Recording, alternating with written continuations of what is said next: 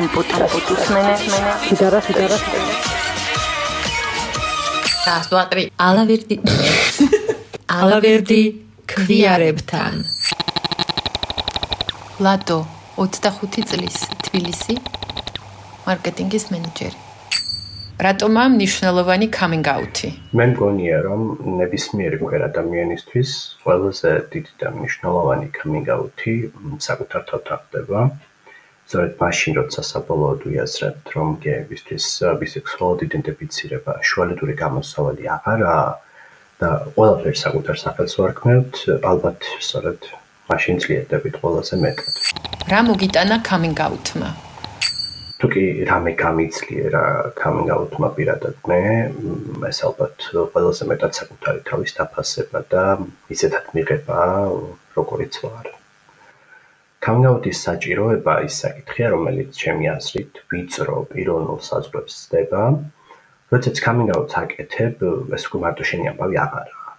რეალურად შენ შენს ნარატივში უშვებ სხვა ადამიანს და ამით აძლიერებ როგორც საკუთარ თავს, ასევე სხვას.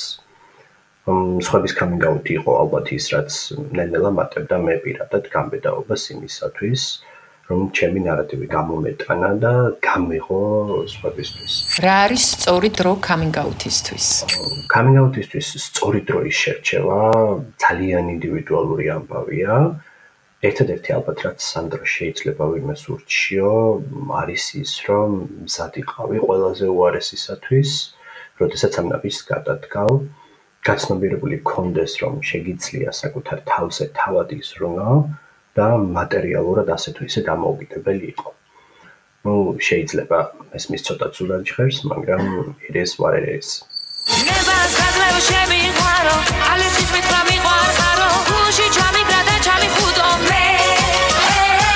ალბათ ყველაზე დასამახსოვრებელი კომენტარი ჩემს დაკალს ეკუთვნის, რომელმაც რამოდენიმე წამის დუმილის შემდეგ შეწუხებული სახით შემომხედა და მითხრა, აუფ, დაიწყებს ახლა ესეც შემკაცებთან ტყნაურს. მაშინვე არა, მაგრამ მოგვიანებით მივხვდი, რომ ხელა კომპლიმენტი იყო ეს ისკა. ძალიან სოველი პოდკასტი. მოვედი. კოცნით გეხოვით თქვენი თიმი გამიშვა. ნათია, ნათია, მალე ჩამოდი დამაკავე. ჩვენ ჩვენ ქართველობას.